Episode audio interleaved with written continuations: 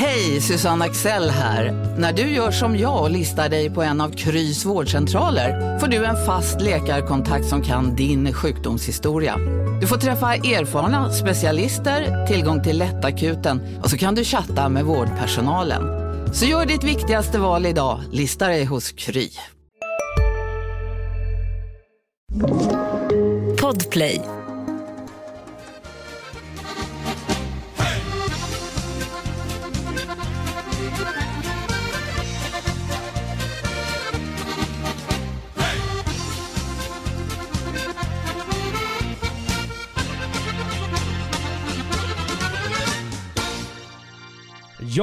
Ja, ja, ja. Svaret är ja. Det blir en sommar med hockeyinslag och det blir återigen en sommar sprängfylld med avsnitt från Hockeypuls podcast.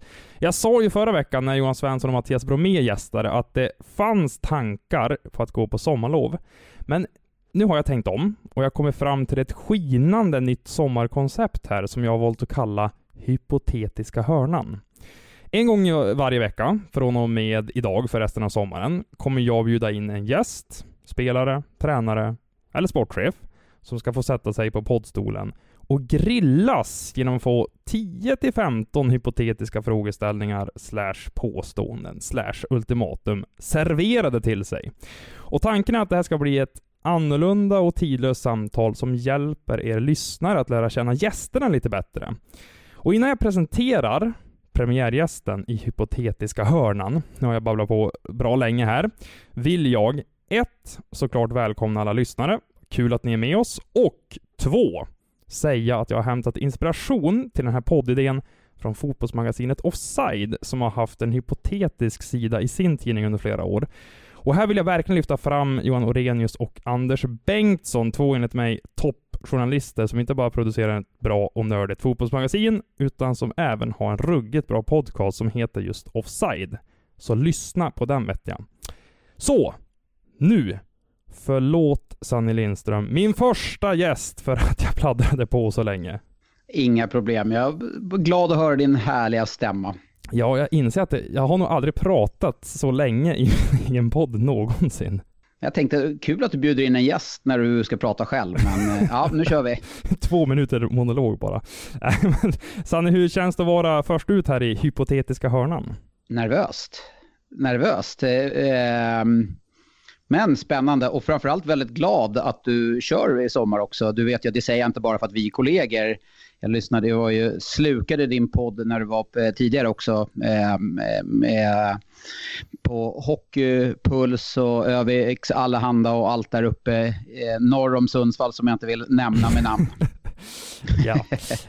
Um, jag tror ändå, Sanne, innan vi inleder uh, och kastar oss in i det här hypotetiska vattnet, att många är ju lite nyfikna på Sannis liv utanför rutan och vad du gör när det inte spelas ishockey. Så eh, berätta om sommarplanerna här nu.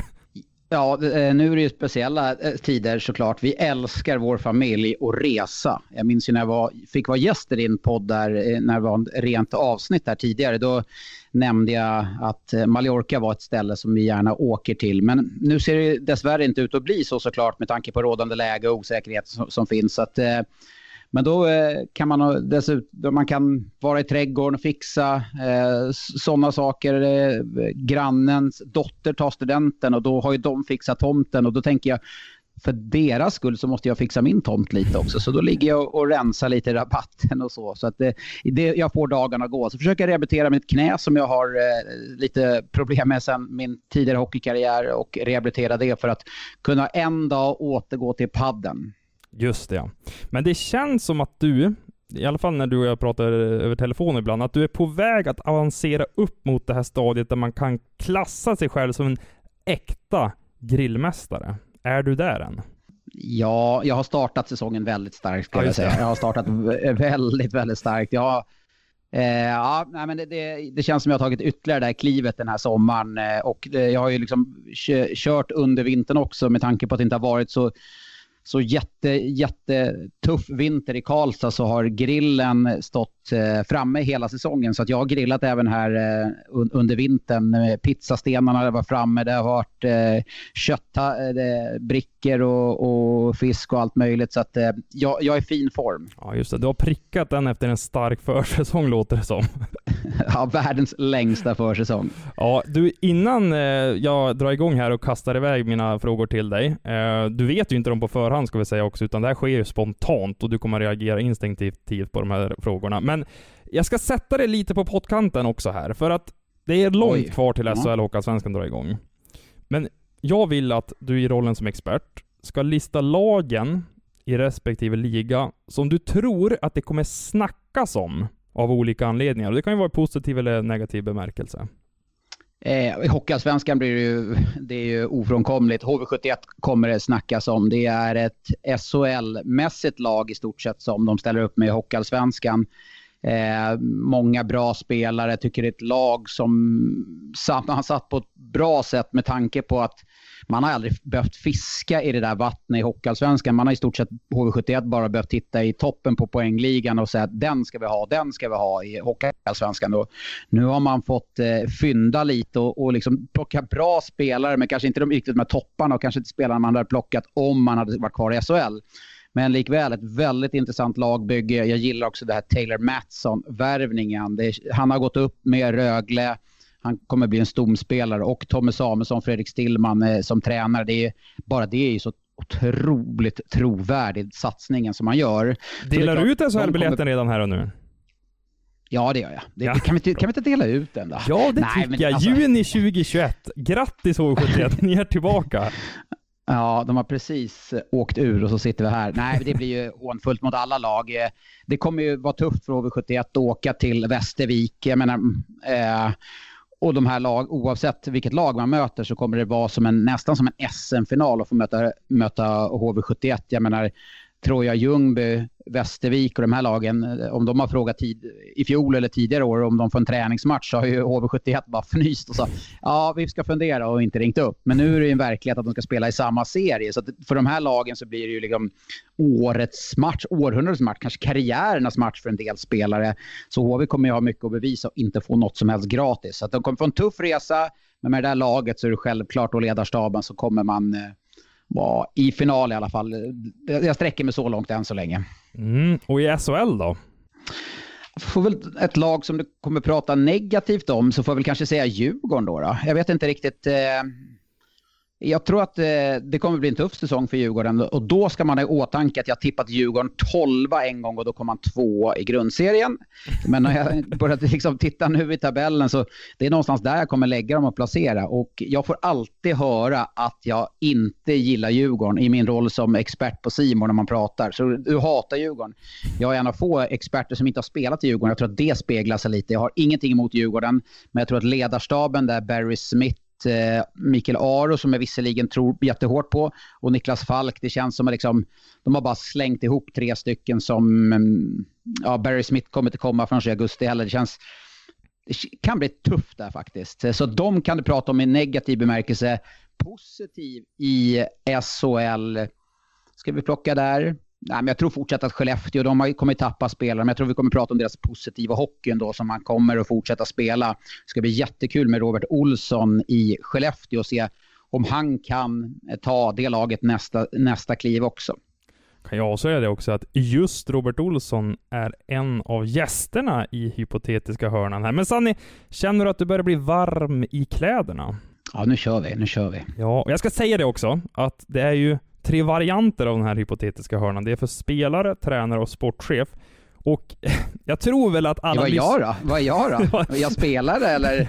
Jag är ju sån här självutnämnd coach och självutnämnd sportchef och en gammal dålig back. Så jag vet inte, ska jag sportchef eller tränare? Ja, vi, vi kategoriserar in dig på alla tre här. Men jag tänkte säga att alla ja, lyssnare vet väl att du har lagt av. Det hoppas jag i alla fall om man lyssnar på en hockey-podcast 2021. Men jag tänker att det här får bli lite kanske en tillbakablick till din karriär också och om du ställdes inför den här typen av dilemman någon gång.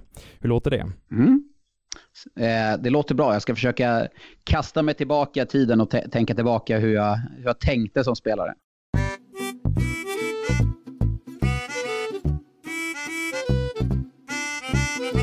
Och nu sitter du där i hypotetiska hörnan och du sitter väl bekvämt hoppas jag, för nu kör vi igång.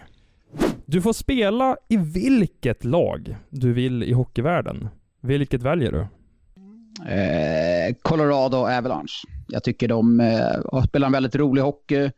De har bra backar, bra offensiva backar. De skulle nog behöva en eh, rejäl defensiv back där som, som täpper till lite. Det, och jag har ju också en gång i tiden eh, haft kontrakterat Colorado. Jag var ju absolut inte nära att spela NHL, men jag var i Colorado under, eh, dels under rehabiliteringstiden med mitt knä och Eh, training camps och, och sådana saker. Så att Colorado är en helt makalöst fin, underbar stad med ett galet hockeyintresse. Så att en liten del av mig håller ju fortsatt på Colorado. Vill ni höra mer av Sanni om bland annat Colorado-tiden, då kan ni ju lyssna på hans gästavsnitt som finns i poddkatalogen också. Men det vattnas ju i munnen Sanni när man tänker på ett backpar med dig och Cale McCarr.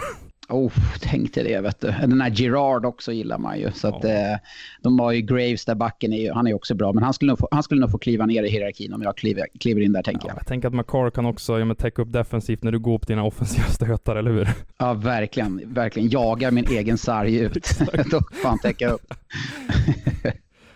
det är försäsong och ni befinner er på ett tredagarsläger ute i skogen. En kväll efter två träningspass och middag så tar tränarstaben spelarna till en plats där glödande kol placeras ut på marken. Huvudtränaren beordrar samtliga spelare att gå på den glödande kolen med bara fötter. Skulle man välja att inte göra det har man inte det som krävs för att vara en del av truppen nästa säsong, menar tränaren. Går du på glöden? Eh, det hade jag nog. Jag hade nog gjort det som, som spelare. Eh, nu vet jag bättre och har liksom de här töntiga klyschorna, vadå vet vad som krävs. Det hade jag bara fnyst åt han. Men nu får vi ju kasta oss tillbaka under tiden när jag spelade och kanske inte tänkte på de här sakerna på samma sätt och hade perspektiv. Så ja, jag hade gått på den kolen. Har det någon gång hänt att typ Lill-Kenta kastat ut lite glödande kol? Sanni, vandra ut. Nej, Nej, det har det inte gjort. Men det, det, är ju säkert andra saker som, eh, alltså, när man blickar tillbaka på karriären som man har gjort, Eh, eh, som man tänker nu i efterhand, oj, det där var ju inte så, så bra. Man tänker på sådana inkilningar och, och sådana saker som, eh, eh, som existerade på slutet av 90-talet, början av 2000-talet. Eh, saker, eh, kanske framförallt när jag var i USA då, när man blev inkilad eller kilade in andra som kanske inte var så jättebra.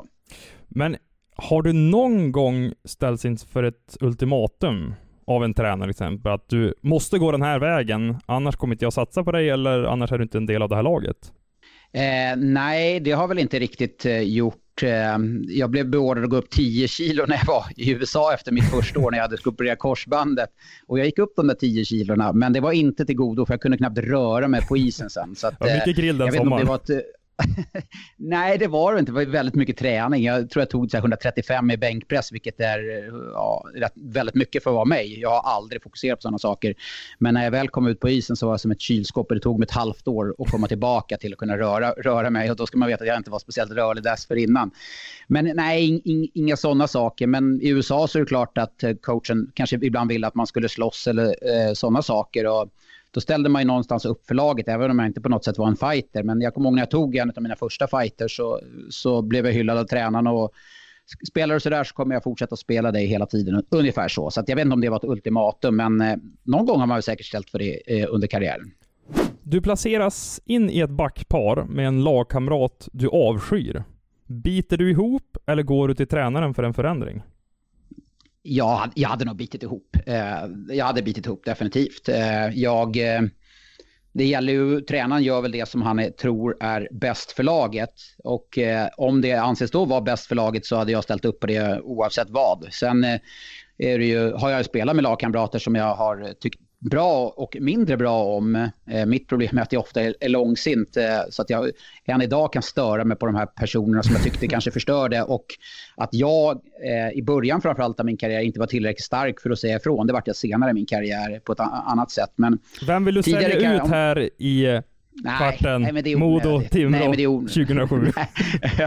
ja, nej, det är onödigt. Nej, det är absolut inte så. Men alltså, det är klart att det finns. Det är, så, så är det i lag. Det är ju, jag har ju spelat lag. Folk stört sig jättemycket på mig och ännu mer nu när jag både syns och hörs lite mer så vet jag att det är folk som stör sig enormt mycket på mig och mina tankar. Så, att, så, så, så fungerar det. Men eh, hade det ansetts vara bäst för laget så hade jag ju såklart ställt upp.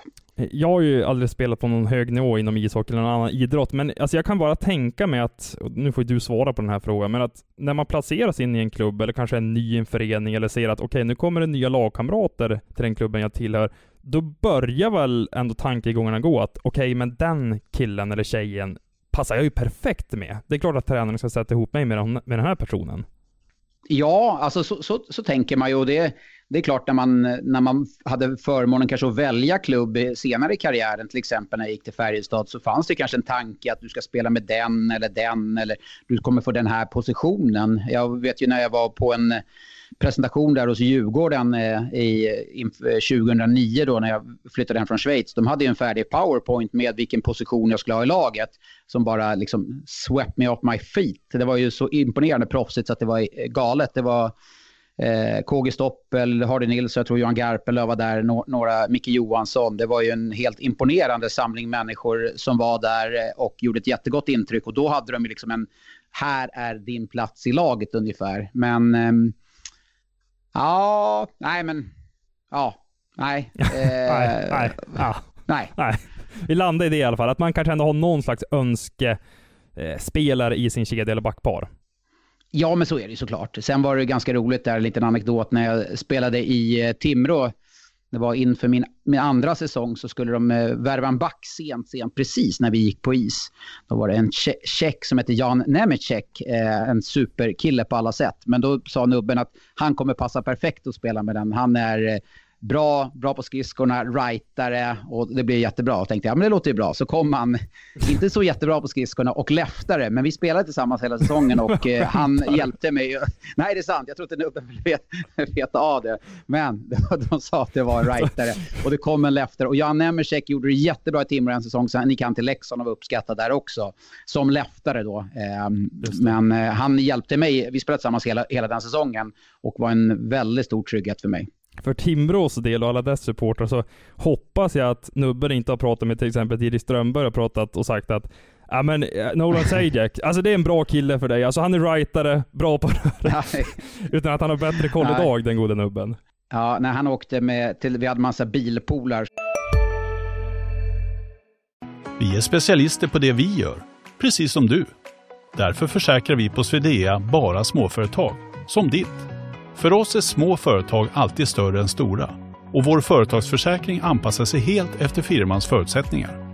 Gå in på swedea.se företag och jämför själv. Hej, Synoptik här. Hos oss får du hjälp med att ta hand om din ögonhälsa.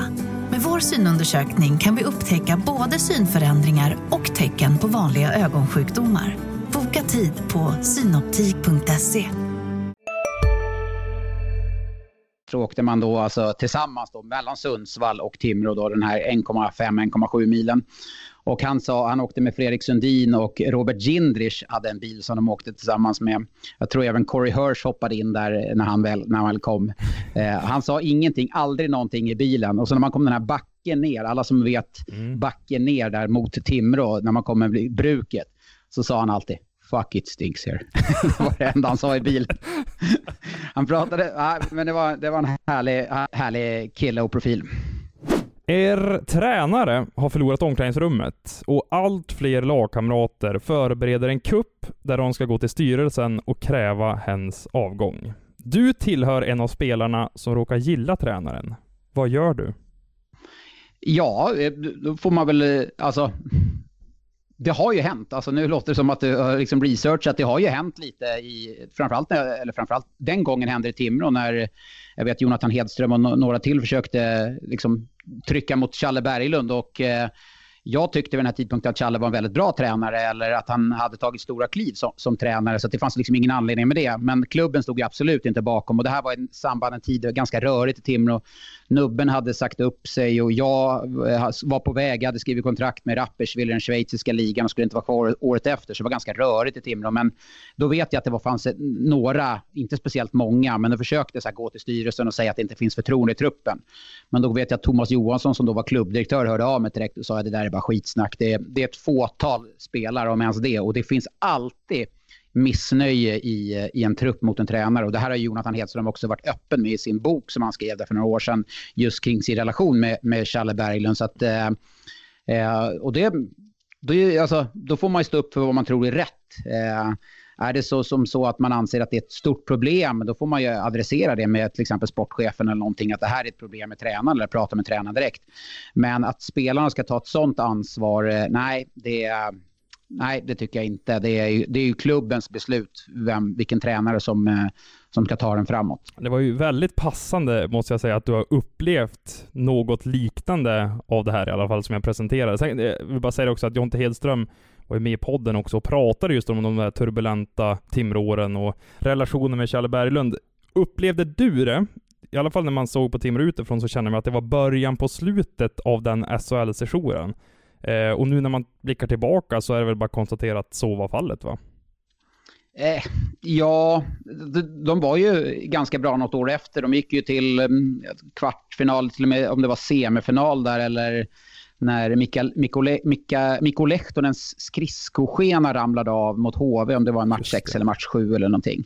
Eh, så Timrå hade ju några bra år därefter. Men det jag kände med Timrå, och inte, nu hänger jag inte ut Jonathan Hedström på något sätt, men det kanske blev att det inte blev lika noggrant med rekryteringarna när man flyttade fram sina positioner. Timrå var i kvartsfinal, semifinal, var topp 3, topp 4 i tabellen under några år. Då är klart att då fick man välja spelare på den övre hyllan kanske man inte blev fullt lika noggranna som när man var lite längre ner i hyllan just kring karaktär och, och personligheter. Och nu hänger jag inte, upp, återigen hänger jag inte ut Jonte Hedström på något sätt utan det var Timrå vart lite mer spretigt med spelare under kanske med framförallt mitt sista eh, ett eller två år där. Så det var inte riktigt lika fin sammanhållning som det var de första fyra åren. Det var ju helt, ja, det var ju helt magiskt vilken, vilken sammanhållning vi hade då.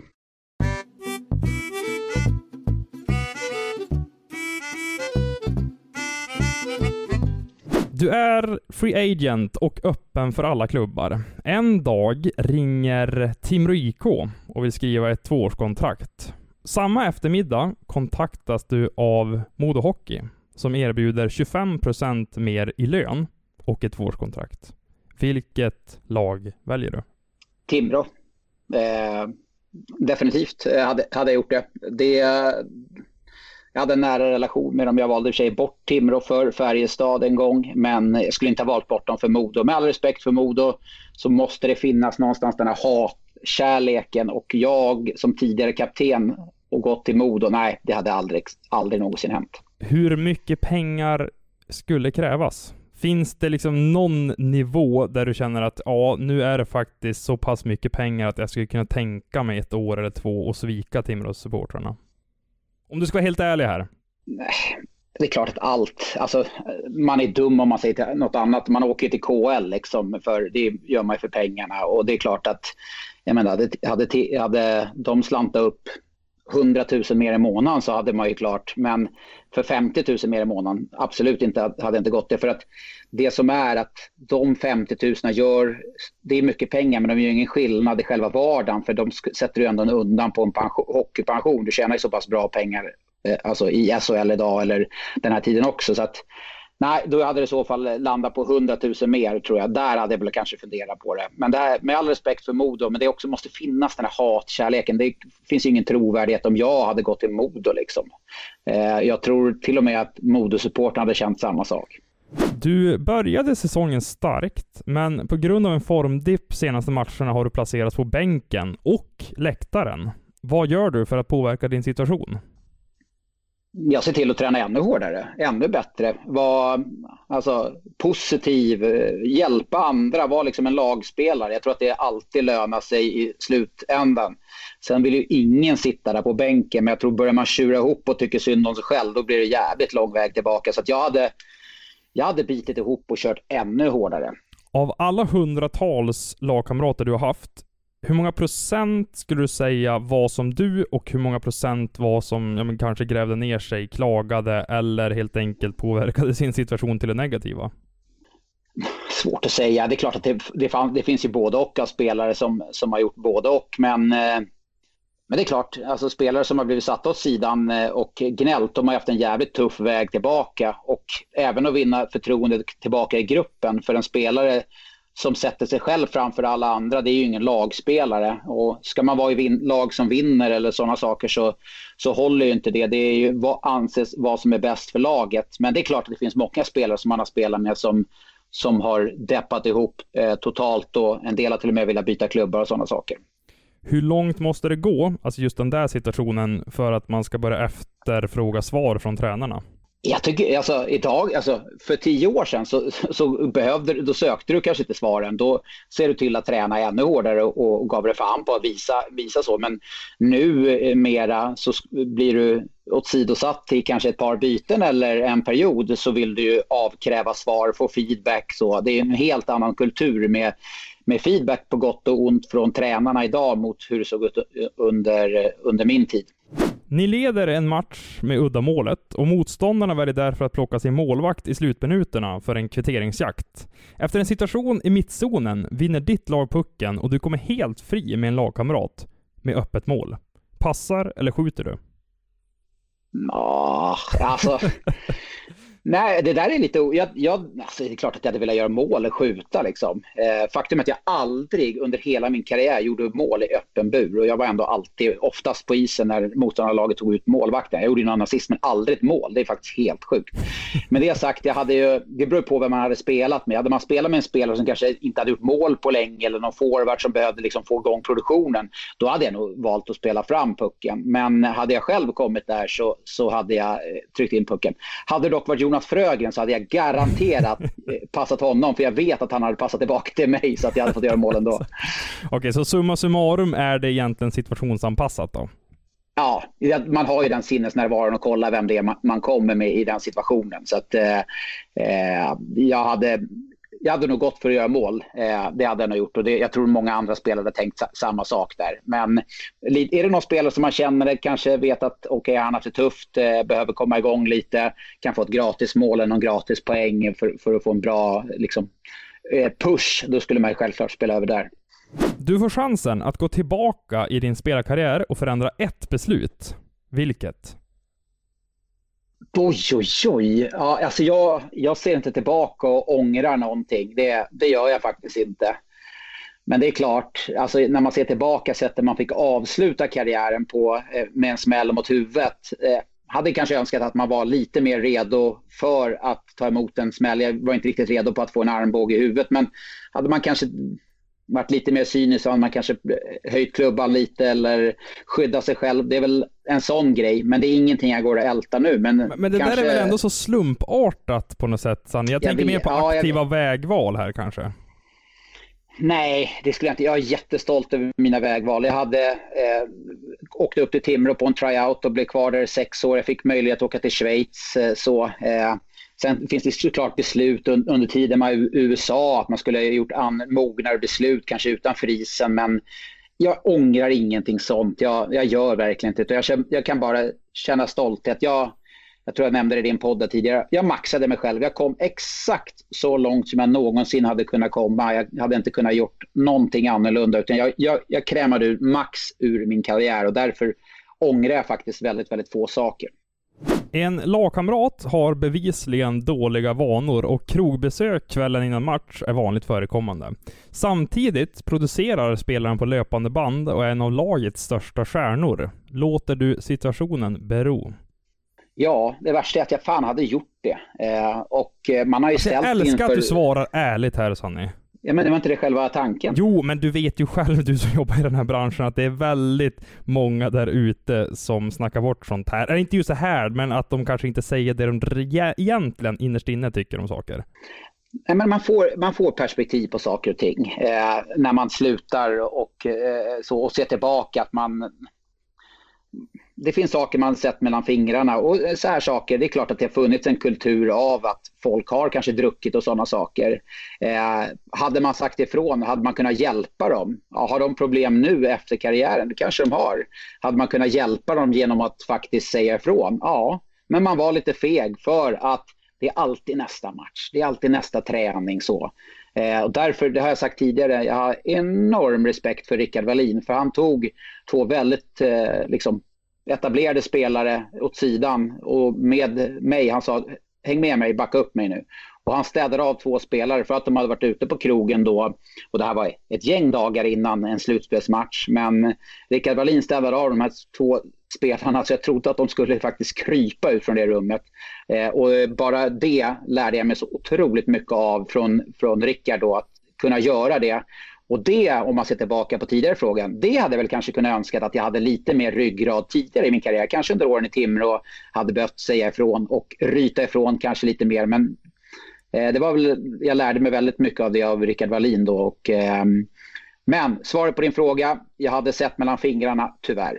Jag anar att det här är sådant som förekommer och att spelarna i omklädningsrummet har väldigt bra koll på sånt här. Hur mycket sipprar liksom ner det, eller det är väl snarare att det faktiskt går upp mot tränarstab, sportchef och styrelse etc.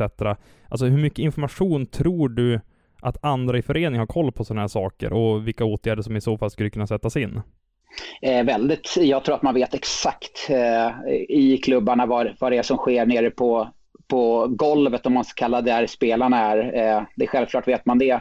Man har sett alldeles för mycket mellan fingrarna från klubbarnas sida också och det har jag sett på nära håll eh, att man har gjort. Eh, för att man kanske inte vill plocka bort den här spelaren för att det är en viktig match. Man möter det här laget om nästa vecka. Vad händer om man plockar bort eh, spelaren nu och så vidare. Så att, det har varit en kultur som där man har sett mellan fingrarna på väldigt mycket saker som, som nu i efterhand jag kan tänka att hade jag kunnat sagt ifrån och hjälpt några spelare? Ja, kanske. Det är dagen innan seriepremiär. Din agent hör av sig och berättar att ett NHL-lag är villigt att plocka in dig om du lämnar på studs. Ditt kontrakt är heller inget problem då den klubben kompenserar ditt nuvarande lag ekonomiskt. Hur resonerar du? Oj, ja, den var... Ja, nej, men det är klart. Alltså drömmen av... Jag var i USA i tre år. Jag fick aldrig spela NHL, men det är ju klart att det är drömmen. Eh, hade man fått någon garanti från den här klubben att du kommer att få spela, alltså du kommer att få spela ur laget eller liksom är det mer ett kontrakt att komma över så får vi se hur det går. Det beror, på helt, för, beror helt på förutsättningarna. Hade man fått en garanti om att spela i NHL så hade jag nog jag hade nog fan lämnat. Alltså jag hade ett egoistiskt beslut hade jag kunnat tagit för att Eh, det är klart att man hade satt klubben i en skitsituation, men hade de blivit kompenserade hade de kunnat hitta en ersättare. Du Sanne, vi är faktiskt i mål nu och det blev en vandring längs minnenas allé här med tanke på att eh, det är snart ett decennium sedan du blev tvungen att lägga av. Alltså, det måste vi ta lite kort också. Tiden springer iväg, men har du, eh, känner du det? Alltså att det är så länge sedan, eller känns det fortfarande färskt på något sätt? Det känns väl... Eh, det känns länge sedan också. Alltså det, det är klart att man, man, tänker efter att jag slutade, alltså gjorde min sista match 2012. Det är alltså nio år sedan ungefär som jag spelade min sista match, vilket är... Ja, det har ju gått snabbt de åren, men det har varit, man har fått perspektiv på saker och lärt sig väldigt mycket när man ser tillbaka. Men det känns verkligen inte som det var nio år sedan, för jag känner mig fortfarande som jag är ungefär 30 år. På, jag vet inte om det är på gott eller ont ibland. ja, men det här kanske fick dig att, i alla fall i tankarna, vandra tillbaka lite och se över saker du gjorde och kanske inte gjorde.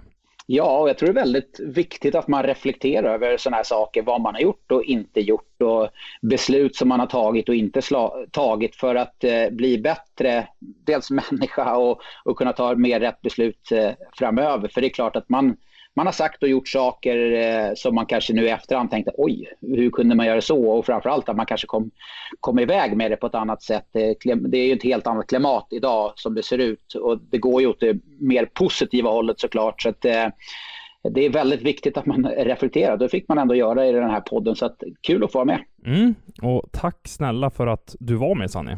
Självklart. Det är bara, du ringer, då svarar jag på första signal. Alltid. Ja, himla fint. Och det blir mycket mer av den här varan sommaren 2021, för det är så att nio gäster är bokade. Det är några spelare, det är tränare och det är någon sportchef också som kommer att sätta sig i poddstudion för att ja, men helt enkelt snickra ihop de här avsnitten som kommer att produceras och skickas ut varje torsdag under de här juni, juli och augustiveckorna. Eh, slutligen ska jag säga det också, har ni några gästförslag, adam.johansson.expressen.se gäller. Ni kan inte kontakta mig på sociala medier under den här sommaren, för jag stänger ute det helt och kopplar ner. Så det gäller helt enkelt. Nu tackar jag och Sanne Lindström för oss. På återhörande.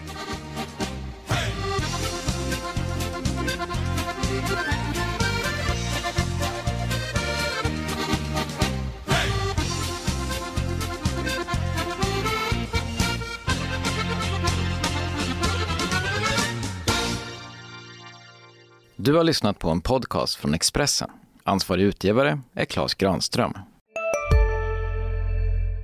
Välkommen till Maccafé på utvalda McDonalds restauranger med Baristakaffe till rimligt pris. Vad sägs om en latte eller cappuccino för bara 35 kronor? Alltid gjorda av våra utbildade baristor. En nyhet. Nu kan du teckna livförsäkring hos Trygg-Hansa. Den ger dina nära ersättning som kan användas på det sätt som hjälper bäst. En försäkring för dig och till de som älskar dig. Läs mer och teckna på trygghansa.se. Trygg Hansa. Trygghet för livet.